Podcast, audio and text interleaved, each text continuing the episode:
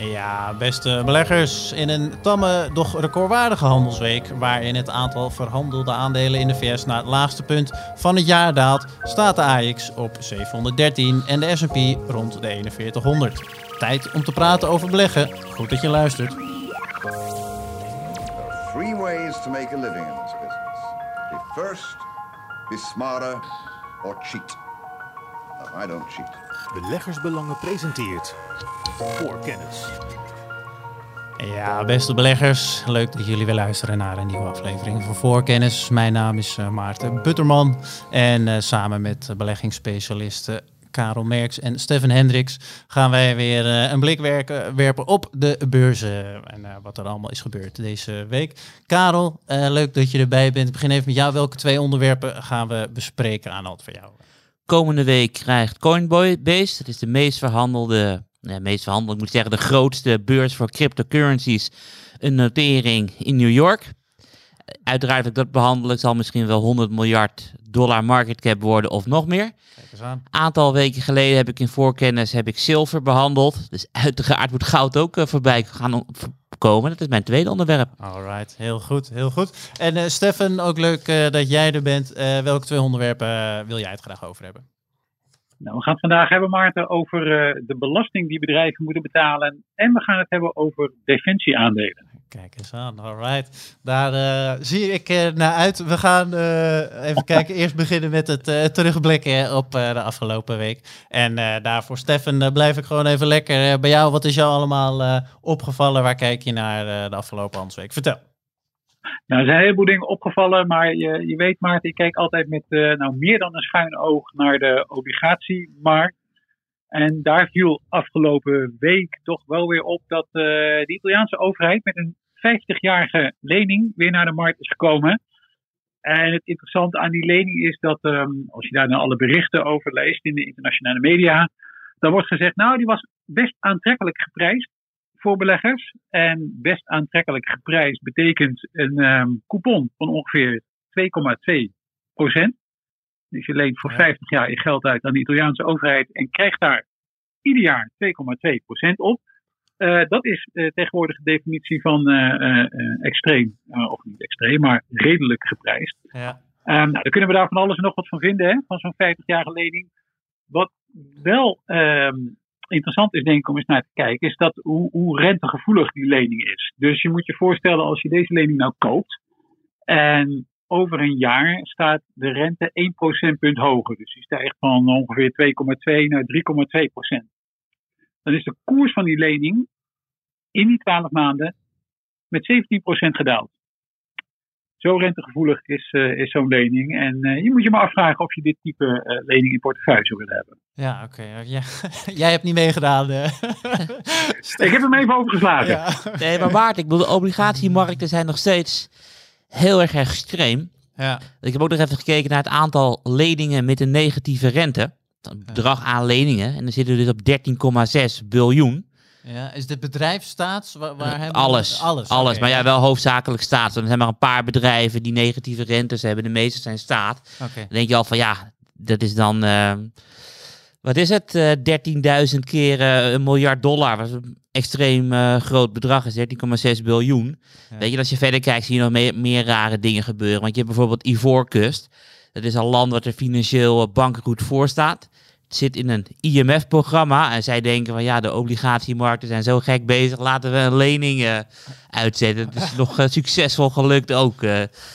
Ja, was het 50 jaar tegen 2,2 procent? Nee, dat was geloof ik 10 jaar tegen een procent of 5. Maar je wil niet weten hoe Ivoorkust ervoor staat. En IMF-programma's krijg je niet zomaar hoor. Daar moet je er wel heel Nee, erg bond nee, voor nee, hebben gemaakt. eh. Alright, nou goede, lekkere toevoeging eh, inderdaad. Alright, nou nu we toch bij Ka- zijn Karel, wat, eh, waar heb jij naar gekeken de afgelopen week? Ja, elke week kijk ik even naar hoe mijn adviezen zich ontwikkelen. En dan kijk ik naar eh, de grootste procentuele verandering.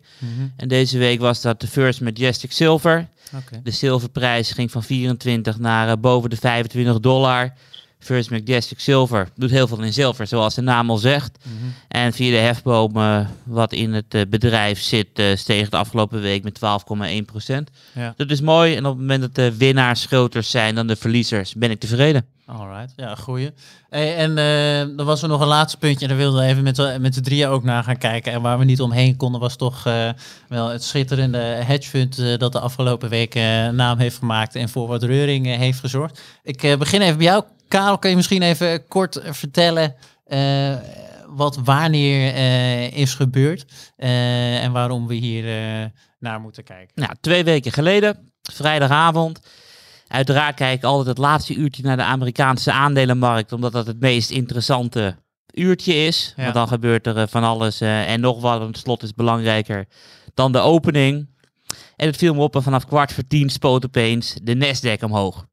Ja. Niet één aandeel, maar gewoon de index. Nou, wat bleek dus achteraf? Dat Argos Capital niet aan zijn margin verplichtingen heeft kon eh, voldoen.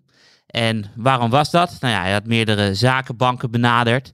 En had de constructie opgezet van verkoop de index. En als je de index verkoopt, dan haal je geld op. En dat geld investeer je dan in speculatieve aandelen. Mhm. Uiteindelijk had hij dat gedaan voor een bedrag van meer dan 100 miljard dollar. Ja, Nou ja, dat werd allemaal in eh, twee dagen afgewikkeld. En het begon dus vrijdagavond, was een grootste bubs. Toen spoot dus de Nasdaq omhoog en al die andere aandelen naar beneden. ja. En dat leert je maar weer van hoe heftig de leverage op dit moment in het systeem is. Dat het de hele Nasdaq in eh, beweging kan zetten. je. En banken vinden het, vonden het toen in ieder geval leuk. Want je kan hele hoge kosten rekenen. ja. Eh, ja, nu is het misgegaan. En nu is bijvoorbeeld zo'n Credit Suisse voor eh 4, 5 miljard het schip ingegaan. ja. En eh, hoofdrisico is ook weggegaan, wat me ook logisch lijkt. Hè? Dat, ja, er moest toch een kop rollen en dat is nu het hoofdrisico van Credit Suisse. eh, ja, geworden. klopt. Weet je. Ja, En ik, ik, verhaal. ik, ik verbaas me erover, want de hele geschiedenis staat hier al vol mee met dit soort verhalen. Want Ja. in 98 hadden we long-term capital management. Wat ook bijna eh, met veel te veel leverage compleet misging. Ze hadden ook met meer dan 100 miljard eh, waren zij aan het beleggen.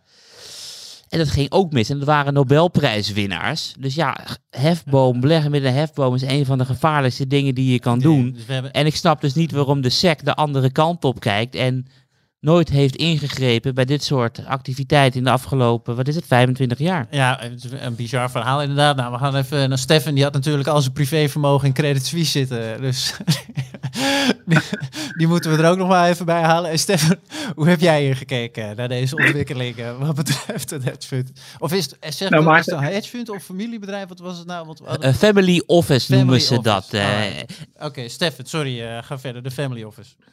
Ja, de family office. Nou, ik heb gelukkig inderdaad geen aandelen eh Suisse. En was ook niet echt direct van plan ze te kopen.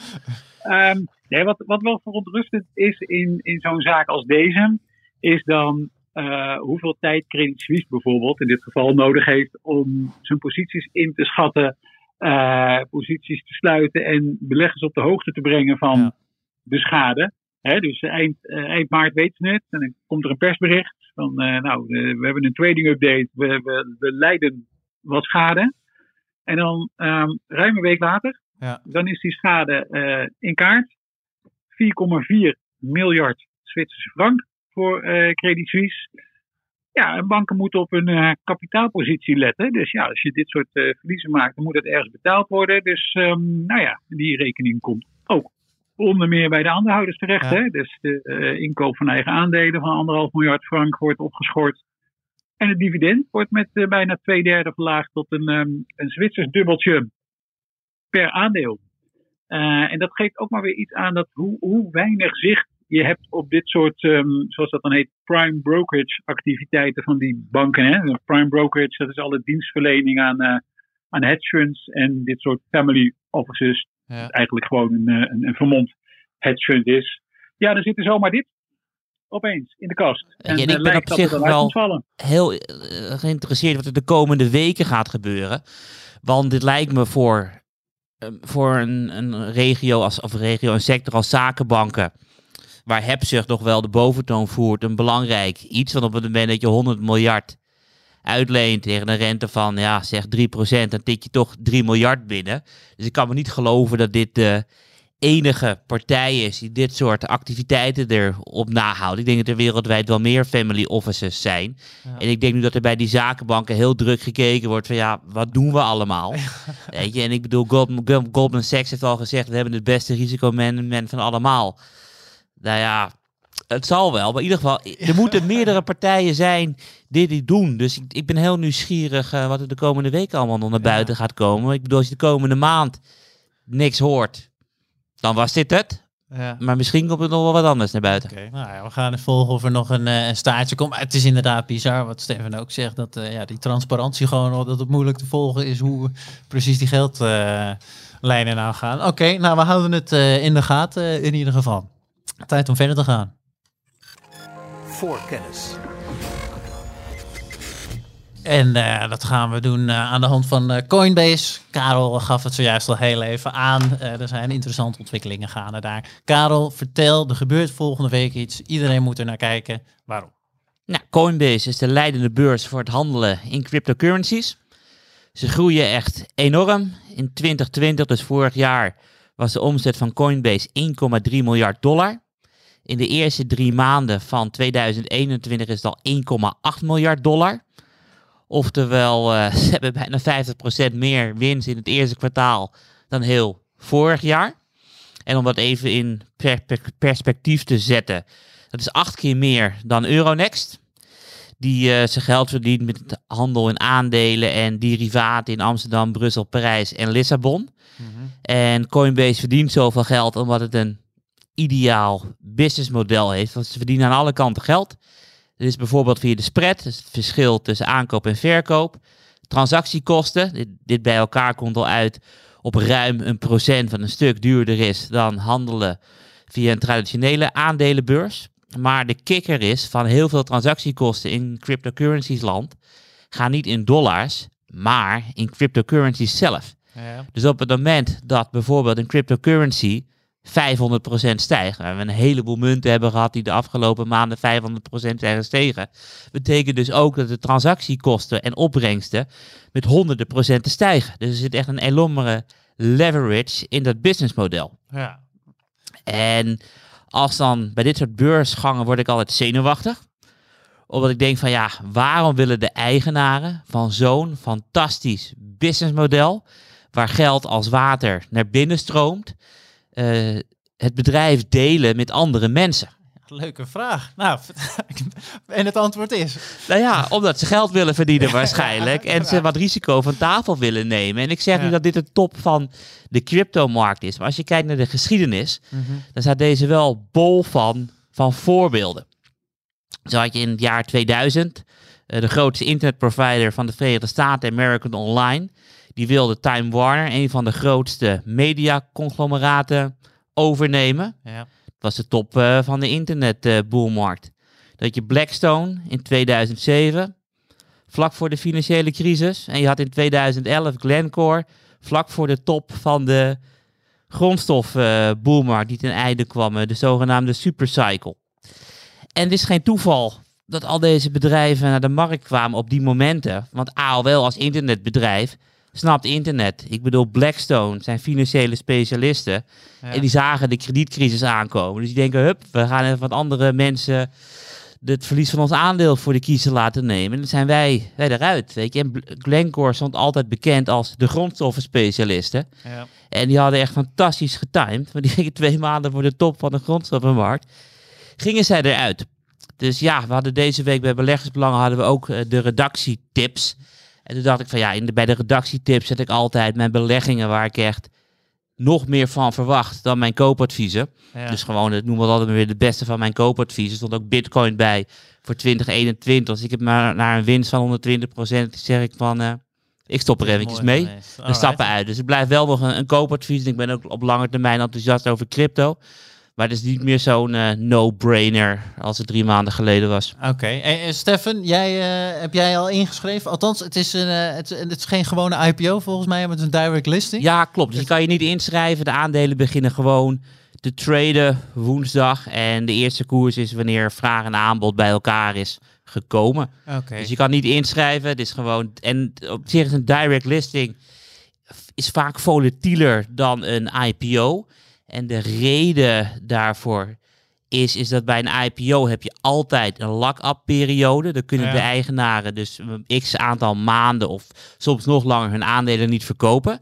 En bij een direct listing mag meteen iedereen losgaan. Oké, nou kijk eens aan. Stefan, wat eh, ga jij kopen, verkopen of laat je het allemaal heel even links liggen? Vind je het wel, kijk je er, kijk je er wo- woensdag gaat, kijk je er heel even naar of eh, laat je het, eh, het links liggen? Nee, ik, ik kijk absoluut naar. Ik vind het on- ontzettend interessant. Hoewel ik er ehm, niet zo heel veel van eh, kan begrijpen, zeg maar, op basis van de dingen, op basis waarvan je andere eh, vermogenscategorieën beoordeelt. Dus ja, een, een bitcoin op, eh, op 25.000 dollar leek al prijzig. Dan 50.000 leek het ook prijzig. Nu zijn we volgens mij bij de 57.000. Ehm ik, dat maakt het het meest lastige. Eh, dus er zit aan de ene kant een, eh, natuurlijk een enorme speculatieve vraag achter. En daar profiteert natuurlijk een partij als Coinbase eh, ontzettend van. Ja. Aan de andere kant zie je dat er langzaam maar zeker meer toepassingen worden gecreëerd. Misschien dat je je Tesla zou kunnen betalen met, met Bitcoin of allerlei andere zaken. Maar op de een of andere manier een, eh, een, een, een munt, een betaaleenheid, zoals de dollar, is het nog niet. En ik heb ook geen idee of het, eh, of het zover gaat komen. Het is wel een, ehm, wel een van de meest interessante experimenten op valutagebied die ik, eh, die ik ken eigenlijk. Alright, alright. Goeie, nou we, gaan, we houden onze ogen open en we gaan woensdag kijken. En dan is het, gaat gewoon als de beurs open gaat, neem ik aan Karel? Ja, als de beurs open gaat. dan mag je, dan... eh, maar ja, als je kijkt bij Airbnb, toen duurde het ook een paar uur voordat vraag en aanbod in evenwicht waren. Oké, Dus eh, hoe langer het duurt voordat er een prijs op het borden komt, ja. hoe heftiger de koersbewegingen zal zijn. Als we meteen om half vier Nederlandse tijd een koers hebben, dan is alles in evenwicht en is het niet Oké, meer spannend. Maar dan ik denk is dat we wel niet eventjes moeten wachten. Hopen dat we moeten En wachten. mijn voorspelling is eh, twee uur. Die mag je noteren, Oké, Maarten. twee uur. Half zes hebben we de eerste koers. Ja, precies. Half zes. En eh, dan ben ik nog even, wat is de ticker?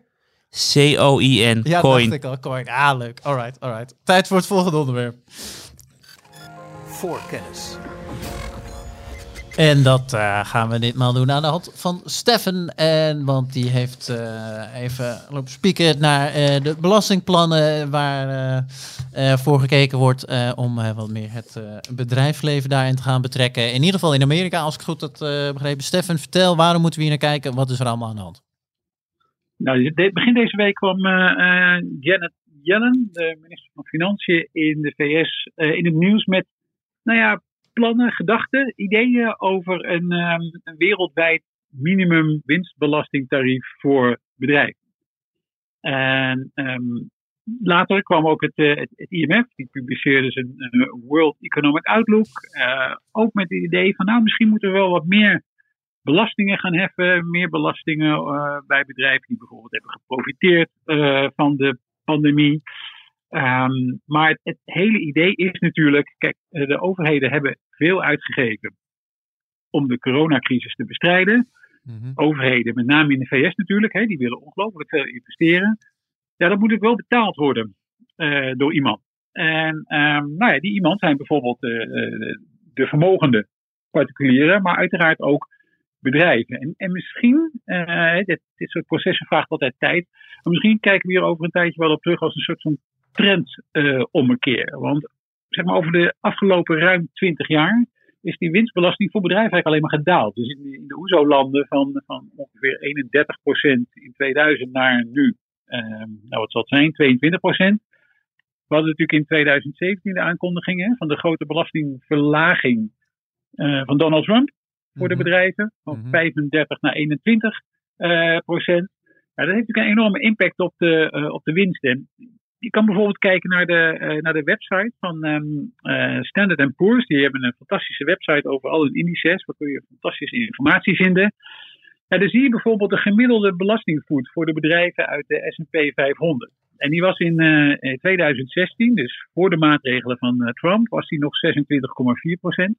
Mhm. En in 2019 nog 17,5 procent.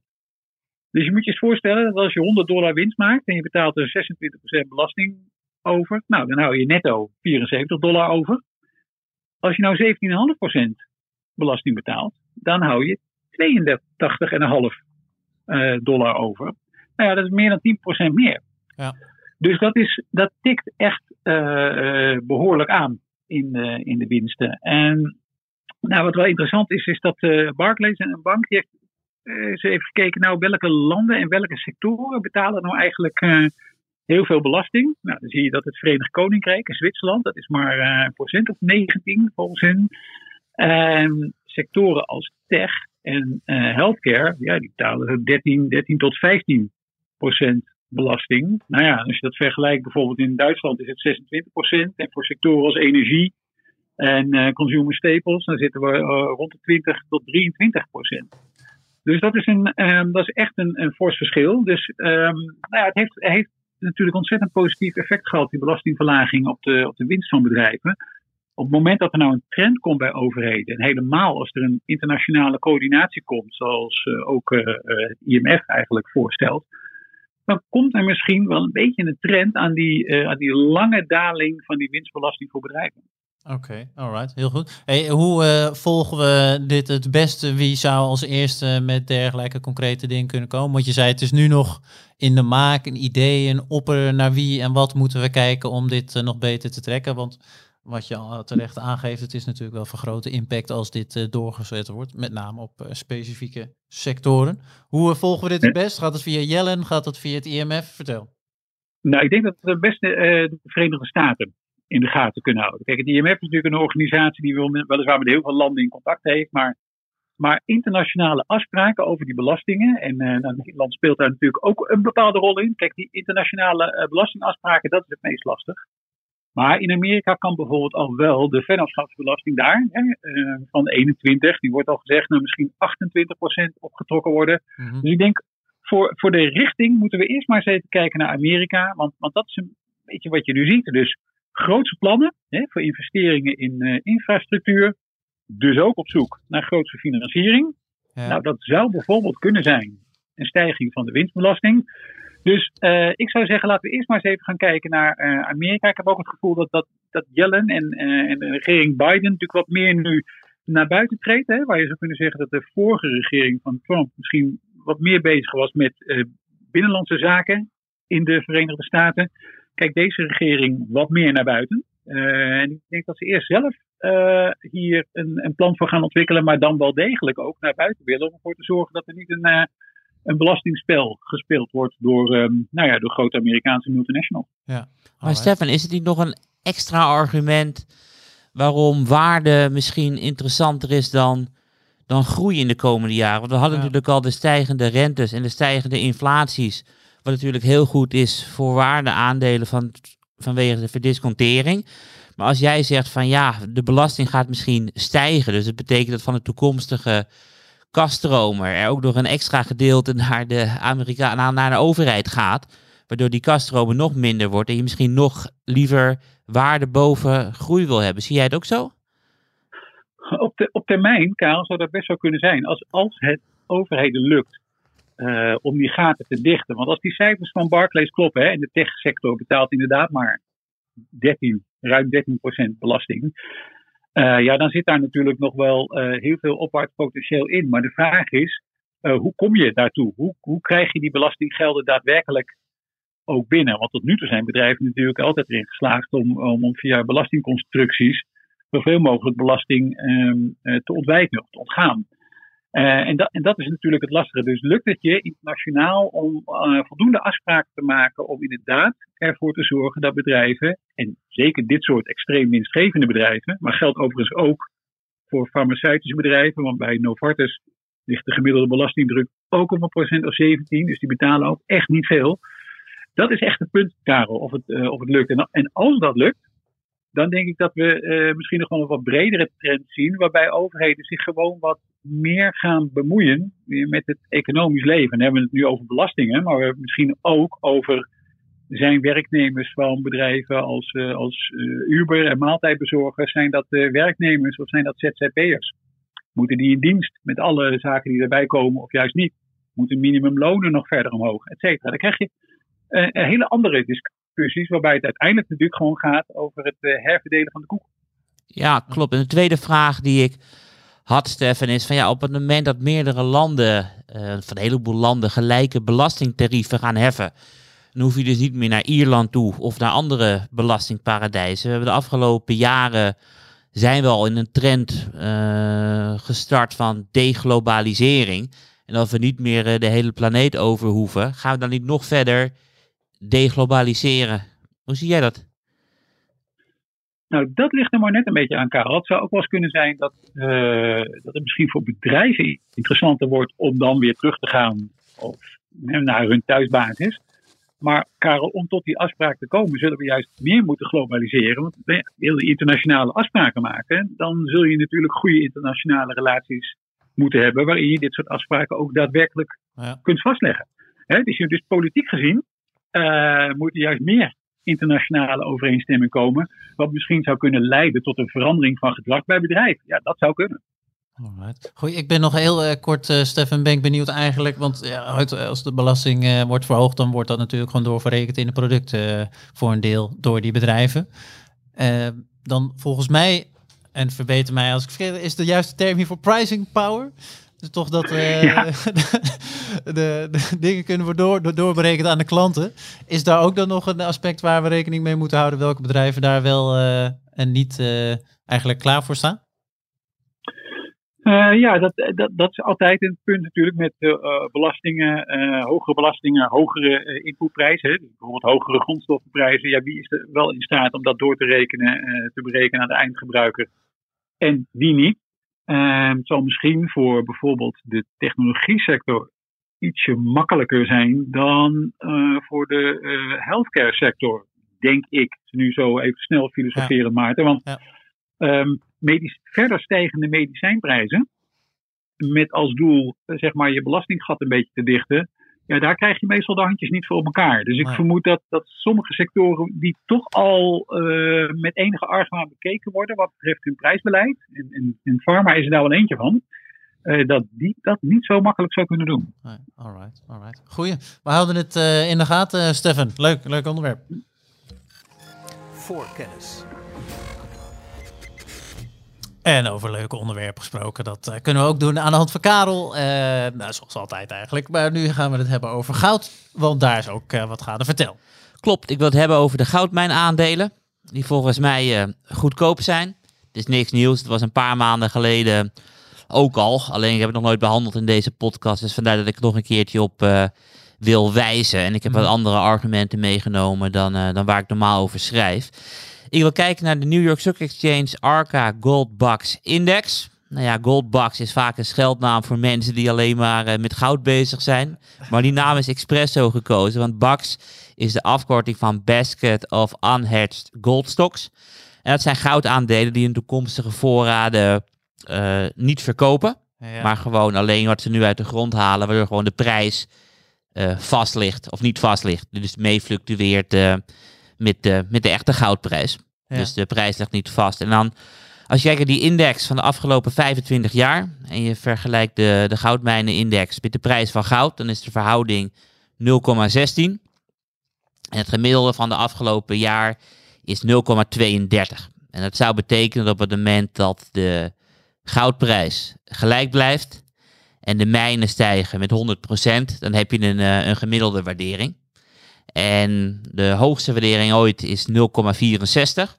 Ja. En dat zou zelfs een stijging van 300% betekenen. En de vraag is een beetje van ja, waarom handelen die ongehetste goudmijnaandelen op een extreem lage verhouding met de goudprijs? En het is eigenlijk omdat ze de afgelopen 25 jaar er altijd een zootje van hebben gemaakt qua financiën. En ik denk dat beleggers en analisten missen dat deze bedrijven er sterker dan ooit voor staan. En daarvoor heb ik gekeken naar de cashflow yield ten opzichte van de enterprise eh, value. En deze is voor het eerst in 25 jaar eh, positief. En dat laat zien dat deze mijnbouwbedrijven werkelijk wat aan het toevoegen zijn.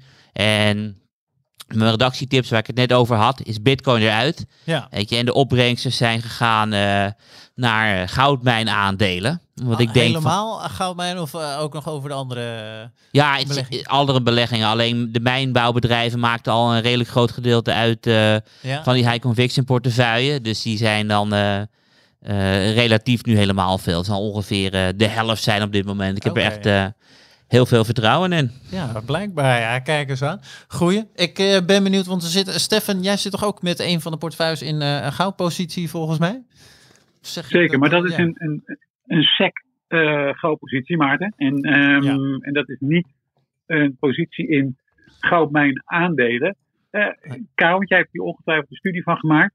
Hoe eh, verhouden de, de, de schommelingen in de goudprijs zich nu eigenlijk tot, ehm, tot, de schommelingen in, in de cashflow die die bedrijven weten te realiseren? En, en zie, je zie jij nog structurele verbeteringen in de cashflow, toekomstige cashflow van dit soort bedrijven bij een gelijkblijvende of misschien zelfs een wat dalende goudprijs? Nee, kijk, het opvallende is dat je hebt een all-inclusive cost price.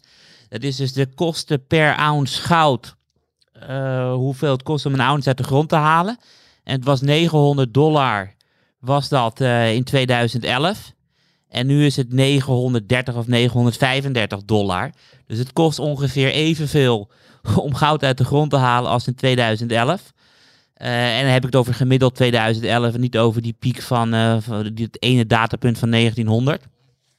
Eh, het- en doordat die kosten gelijk zijn gebleven en de prijs van goud eh, afgelopen jaren eh, wel is gestegen, zie je eh, dat de winstgevendheid aan het toenemen is. En wat heel erg opvallend is, is dat in 2011, als je kijkt naar de 50 grootste goudmijnaandelen in Canada en in de Verenigde Staten, de, toen gaven zij aandelen uit per saldo. Dus had je verwatering van het aandelenkapitaal. En het grappige is nu dat je nu per saldo eh, inkopen hebt van eigen aandelen. Dus eh, je hebt ook nog daar een extra opwaartse kracht. Alright. Hey, nog even, daar ben ik ook benieuwd op. Heb je nog een eh, binnen deze belegging jouw favoriete tip en aandeel? Nou ja, ik zou gewoon een, een usage ETF van ICR's kopen op de HUI-index. heb je gewoon alles. Dat is goed verhouding tussen risico en rendementen. Alright. En op het moment dat je echt over een specifiek aandeeltje wil praten, dan eh, mag iedereen die geen abonnee is bij Beleggingsbelang een abonnement nemen. Heel goed. Ah, kijk, als we toch met schaamteloze reclame bezig zijn, dan zeg ik ook nog even tegen de luisteraar dat eh, je ons gerust kan subscriben. Dan eh, kan de anderen ook eh meegenieten, althans, als iedereen dat doet in ieder geval. dan komt hij steeds beter in beeld bij de andere beleggers. En dat gezegd hebbende, is het tijd om verder te gaan. En dat eh, doen we met misschien wel het leukste onderwerp eh, van de dag. Of in ieder geval het meest controversiële. Eh, en dan gaat het in dit geval om een rapport dat volgens mij vanuit de Bank of America kwam. over defensie, aandelen. Stefan. Correct. Ja, ik dacht heel even, Maarten, dat je hier nog een, een verdere kwalificatie aan ging geven. Eh, Nee, ik denk ik doe het volledig onverwachts. Ik gooi je gewoon in het diepe en ik, ik doe alles wat je niet verwacht. Nee, nee, nee. Helemaal goed. Well, is keep up the good work, zou ik zeggen. Nee, er was inderdaad een. eh, eh, eh, correct, Maarten. Er is deze week een rapport gepubliceerd door analisten van de Bank of America Merrill Lynch, zoals ze voluit heten. En dat ging over de Europese defensiesector. Ja, wat is daar nou mee aan de hand? Je, je ziet sinds de eh, ehm, coronacrisis zijn de aandelenkoersen natuurlijk hard opgelopen. De waardering van heel veel sectoren is ook gestegen. Hè. Dat wil zeggen dat de koersen in, in een aantal gevallen harder zijn opgelopen dan, eh, dan de winsten of de winstverwachtingen. Mhm. Maar dat is niet echt het geval bij Europese defensieaandelen. Die zijn eigenlijk alleen maar goedkoper geworden. Dus die zijn nu eh, zo ongeveer 30% goedkoper dan de Europese beurs als geheel. En dat is echt ongebruikelijk over de afgelopen tien jaar. Want toen was het volgens die analisten een procent of zeven. Ja. Ja, dus de vraag is natuurlijk, waarom zijn die aandelen zo goedkoop? Is het soms dat, dat de winsten helemaal zijn afgestort? Of is het, gaat het helemaal mis in die sector? Nou ja, dat is eigenlijk niet het geval. De winstgevendheid is goed. De winstverwachtingen voor de komende jaar zijn ook helemaal niet slecht. Zo, eh, zeker wel dubbelcijferig. Ehm, Europese overheden geven meer geld uit aan defensie. Bijvoorbeeld in Duitsland. Ehm, ja, dus toch een lagere koers-winstverhouding ten opzichte van de Europese beurs als geheel. Wat is er aan de hand? Ja, er zit natuurlijk wel een, ehm, een bepaald aspect aan die defensieaandelen. Het zijn natuurlijk niet aandelen die heel makkelijk in de eh, duurzame eh, of ESG-categorie vallen. En dat is natuurlijk een hele belangrijke trend voor beleggers. Ja, ja, dat schijnt nogal een dingetje te zijn. Vandaar ook voor de luisteraars thuis uh, hadden we het er vanmorgen bij het uh, voorbespreken heel even kortstondig over. Dat uh, niet iedereen zich even heimelijk voelt met dergelijke aandelen in de portefeuille. En dat is, maar zeg jij nu dan Stefan, en was dat ook de conclusie van het rapport, is dat het louter de impact is van die trend die daar gaande is, dat dit soort aandelen niet binnen uh, dat keurmerk vallen. Ik weet niet of het keurmerk is, maar ik noem het maar heel even zo. Ja, nou, dat, dat, dit werd wel als een van de belangrijkste redenen genoemd, samen met het feit dat er eigenlijk misschien nog wel wat consolidatie zou plaats moeten vinden onder die Europese defensiebedrijven. Maar dat ligt politiek dan weer erg lastig. Ja. Dus het is wel goed dat je het, dat je het woord heimlich uh, gebruikte, uh, Maarten. Want um, nu we het toch over onze redactietips hebben een van mijn redactietips is een Duits defensiebedrijf, uh, Rheinmetall. Um, de uh, fabrikant van onder meer de Leopard tank en uh, leverancier van munitie bijvoorbeeld aan het Nederlandse leger. Dat is een typisch defensieaandeel ook. Die noteren net als BAE Systems, die we in de hoogdividendportefeuille hebben zitten, tegen 11 keer de winst. Terwijl het bedrijf er echt niet zo slecht voor staat. Ja, ze hebben een, een, de helft van het bedrijf is toeleverancier aan de autosector. Nou, dat is niet echt fantastisch, maar de defensietak draait ontzettend goed. Ik vind het zelf een heel erg aantrekkelijk aandeel. Ik heb het ook in portefeuille, maar ik mm. besef natuurlijk heel erg goed, en dat kun je in, in, in alles zien, uh, dat defensieaandelen natuurlijk een, uh, nou ja, dat, dat, dat vraagt een wat, um, uh, hoe zal ik dat eens zeggen? Uh, daar moet je misschien een bepaalde hindernis voor nemen. Wil je die in portefeuille hebben? Hè? Want ja. wil je de fabrikant van een, een Leopard tank of wil je de fabrikant van een, uh, een, een onderzeeër of een, een um, vliegtuig die bommen af kunnen werpen? Wil jij dat soort bedrijven in, in je portefeuille hebben? En ik begrijp heel goed dat sommige mensen daar en sommige beleggers daar een heel duidelijke mening over hebben. Zeggen, dat wil ik absoluut niet. Tegelijkertijd werken dit soort defensiebedrijven ook aan allerlei cyberbedreigingen. Ja. ja, en persoonlijk, um, ja, ik vind het fijn als een land verdedigd kan worden, zowel tegen cyberdreiging als tegen uh, echte dreiging, ja. fysieke dreiging. Ja. Uh, dus ik heb er geen bezwaar tegen, maar ik, en ik ben, nou ja, er zullen er meer zijn, mensen die dit wat ver vinden gaan. En ja, en als je niet in een ESG, uh, dus een duurzame index valt, zijn er gewoon heel veel um, beleggers die hun uh, rug naar dit soort aandelen draaien. En dat betekent dan dat je uh, ja, een hele lage waardering krijgt. Ja. Ja, daar ben ik toch wel benieuwd. Ik kom zo nog heel even op de ESG door. Ik dacht er zelf vandaag nog heel even over na. Van ja, wat zou nou de criteria moeten zijn wel of niet in dit soort aandelen te stappen. En je hebt dan zo'n ESG-criteria waar je aan kan houden. Maar uh, ik zou het zelf bijvoorbeeld. Ik zou ook niet het ESG-criteria aanhouden, maar ik zou het wel gebruiken om mijn eigen huiswerk goed te doen. En gewoon aandelen te kopen waar je eventueel, uh, om het woord maar weer bij te halen, Heimlich uh, bij voelt. Ik ben wel benieuwd, Stefan, nog even. Wat, hoe groot is de rol van die ESG-criteria voor institutionele spelers die wel of niet in dit soort bedrijven mogen instappen? Want ik kan me voorstellen dat vanuit ja, cultuur en politieke druk dat de grotere uh, financiële instanties uh, ja, die aandelen moeten verkopen. Ja, zeker. Dat, twee punten. Maar ten eerste op, op, het, um, zeggen, op het morele punt nog eens even terug te komen.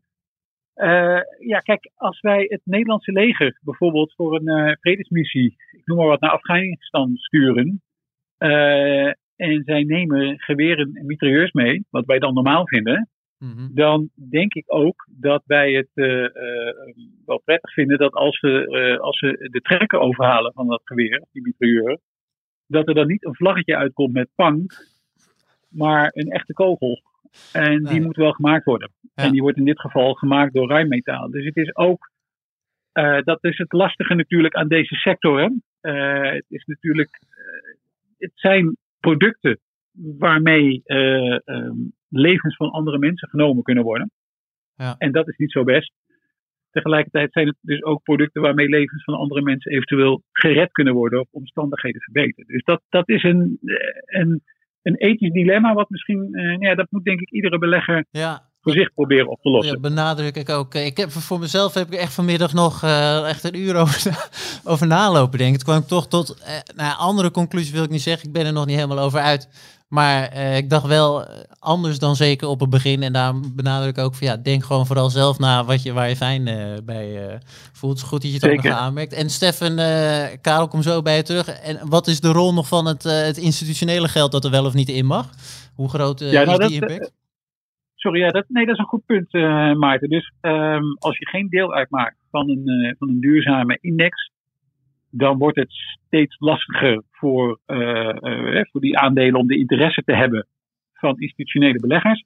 Je ziet bijvoorbeeld dat soms olie en gas, hè, dus energie, wordt al dat niet volledig wordt uitgesloten. Bij tabak hebben we dat ook gezien. Hebben we natuurlijk bij de clusterbomfabrikanten eh, gezien Mhm. helemaal defensiebreed worden ze nog niet uitgesloten.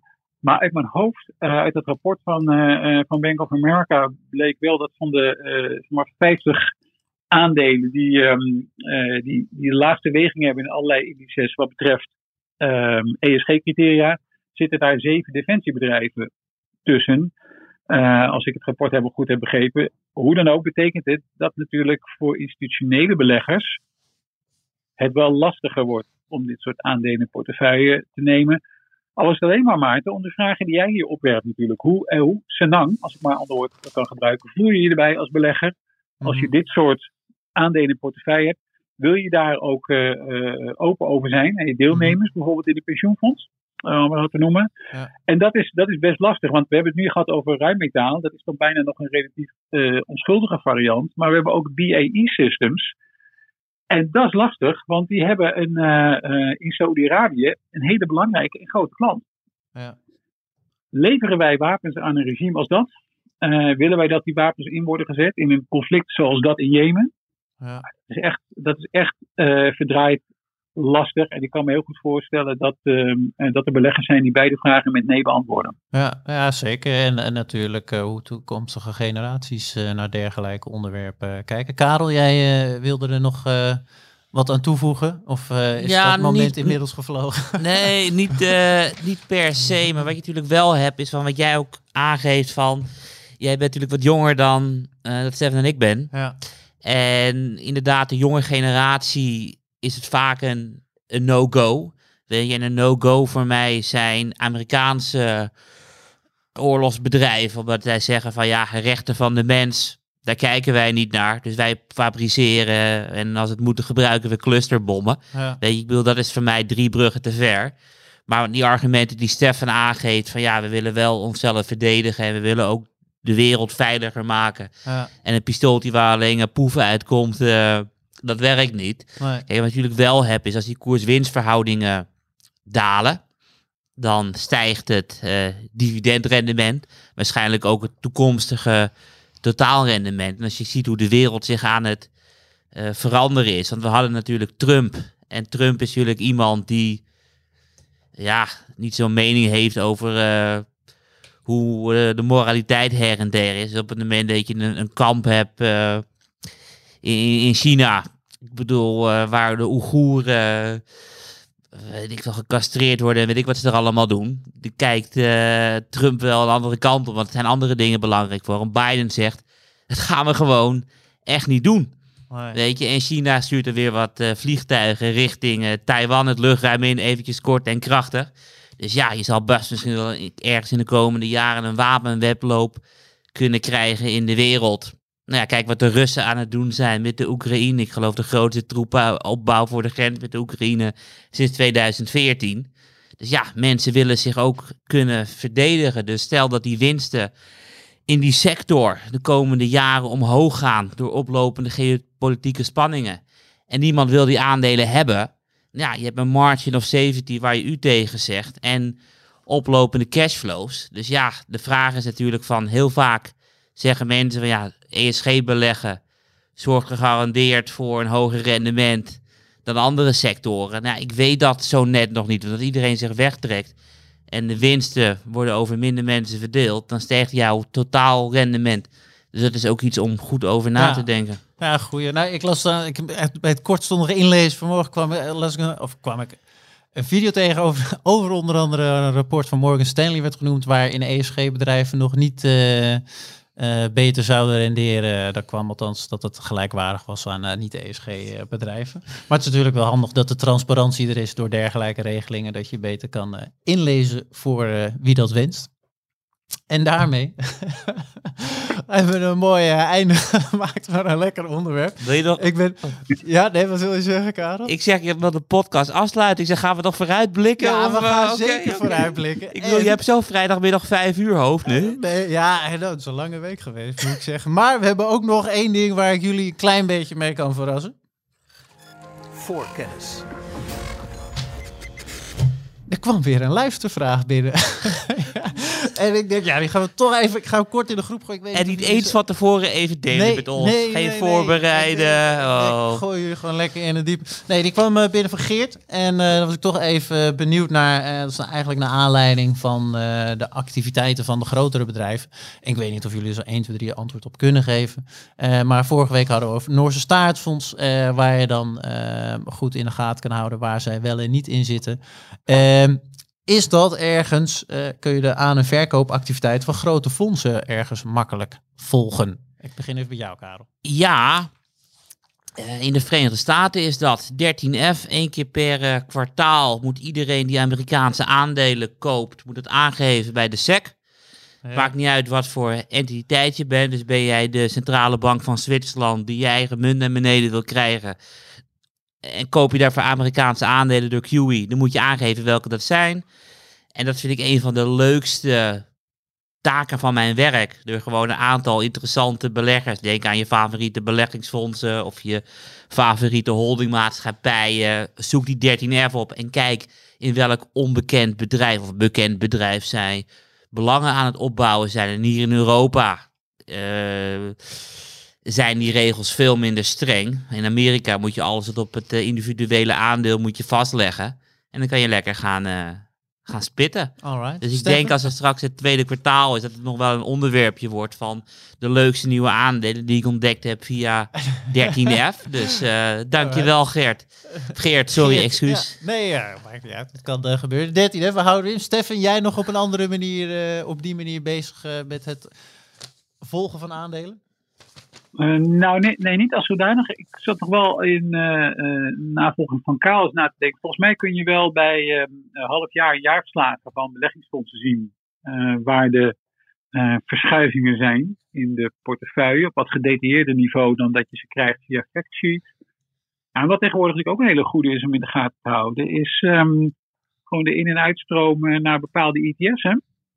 En dan zie je ook Ah, waar, de, waar de interesse ligt. Dus als je eh, ehm, eh, begin en einde maand kijkt naar, ehm, naar beheerd vermogens van bepaalde ETF's. Nou, we hebben het volgens mij in het verleden jaar al eens gehad over zaken als clean energy of opkomende markten.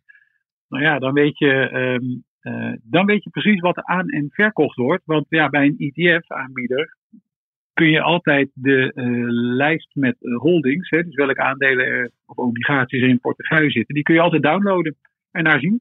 Alright. Nou ja, goed. Dan eh, houden we hem erin. Ik hoop dat Geert eh, zo van een mooi antwoord eh, is voorzien. En dan gaan wij nog heel even kort vooruitblikken. Voorkennis. Had je net ook het e-mailadres genoemd waar mensen vragen kunnen stellen? Nee, dat zal ik bij deze nog doen. Heel goed, dankjewel eh Karel. Het is een voorkennis. Het beleggersbelangen.nl. Stuur een mailtje en eh, dan gaan we even kijken. We doen geen beloftes. En we gaan eh, zo, lees sowieso alles door. Kan niet alles beantwoorden. Maar altijd leuk als er wat binnenkomt. En nog heel even kort, want volgens mij moeten we dadelijk het pand uit als we niet opschieten. Karel, waar kijk jij naar de komende week? Twee dingetjes. A, de aandelenkoers van Proces. Want ze hebben vannacht eh 2% van hun belang in Tencent verkocht. In de één na grootste block trade ever. 14 eh, miljard. Een record is 20 miljard. Een, een stuk AIG eh, in 2012. Wat van de Amerikaanse overheid naar een belegger ging. En ik ben heel nieuwsgierig hoe beleggers dit gaan opvatten. Ja, Ik bedoel, voor de cijfers maakt het op korte termijn weinig uit. Dat 98% van het belang blijft in handen van, eh, van Proces. Hm. Alleen, eh, ik ben benieuwd hoe beleggers reageren. Eh, moedigen ze aan of zijn ze juist teleurgesteld? Dus ik ben- ga ik de komende week naar kijken. Ja, goeie. En de ander? En mijn tweede punt is de PPI in China. Ja. de Producer Price Index, omdat ik denk van er is een kans dat er al dat simuleringsgeweld en de prijsstijgingen van grondstof er een keertje oplopende inflatie gaat uitbreken. En ik denk dat mocht dat ooit een keertje gaan gebeuren, dat de PPI in China de eerste eh, datapunt is waarin dat zichtbaar gaat worden. En de reden daarvoor is, eh, China is de werkplaats van de wereld. Wordt nog steeds alles gemaakt wat wij nodig hebben. Dus op het moment dat de prijzen daar stijgen, dan exporteert China inflatie naar de rest van de wereld. Dus mocht dat gebeuren, dan is het als eerste daar te zien. Dus daar kijk ik naar. Ik bedoel, het Alright. kan misschien eh, helemaal niet zijn. Maar als het gaat gebeuren, stijgt Iets eerst die PPI. Ja, Alright. klopt. Goeie. En Stefan, waar kijk jij eh, nog naar de komende week? Nou, het gebeurt niet vaak, maar zo waar kijken Kaal en ik volgende week denk ik naar hetzelfde. Want ik ben bijvoorbeeld ook heel erg benieuwd wat Proces nou precies met die, wat is het, 14 miljard Ja, dollar zou willen doen. ja Hè? Want het benieuwd is, kijk, dat, het is maar een klein deel van het belang eh, in Tencent dat wordt afgebouwd. Maar in absolute zin hebben we het natuurlijk over een flinke bak met geld Ja. die een andere bestemming moet gaan vinden. Ja. Nou, daar ben ik heel benieuwd naar. Want ik denk niet dat Closes 12,3 miljard euro, 4,14 zoveel miljard eh, dollar naar de bank gaat brengen tegen een negatieve rente. Dus die zullen daar iets mee gaan doen. Dus ik ben heel erg benieuwd wat, wat de plannen zijn. En ik neem aan dat beleggers daar op een gegeven moment ook wel eh, her en der wat vragen over zullen stellen. Ja. Dus dat is één. En het tweede is, eh, betreft ook het Nederlands aandeel. er zijn, hè, op het moment dat wij hier deze podcast opnemen, natuurlijk allerlei geruchten over een eventueel overnamebod op KPN. Ja. Nou, ik ben heel erg benieuwd of dat bij geruchten blijft. Of, ehm, of dat daar toch nog wat meer achter zit. Alright. Nou, we gaan het volgen. Het is natuurlijk in lijn met eh, sowieso al interessante ontwikkelingen in de telecomsector. Goeie, Stefan. Leuk, we gaan het eh, volgen en we komen er sowieso eh, volgende week weer op terug. Dan eh, zijn we aan het einde gekomen van weer een eh, fijne aflevering eh, voor kennis. Ik dank Karel voor zijn bijdrage deze week. En uiteraard ook Stefan voor alle adviezen en tips. En tegen de luisteraar zeggen we uiteraard dank voor het luisteren. En uiteraard tot volgende week.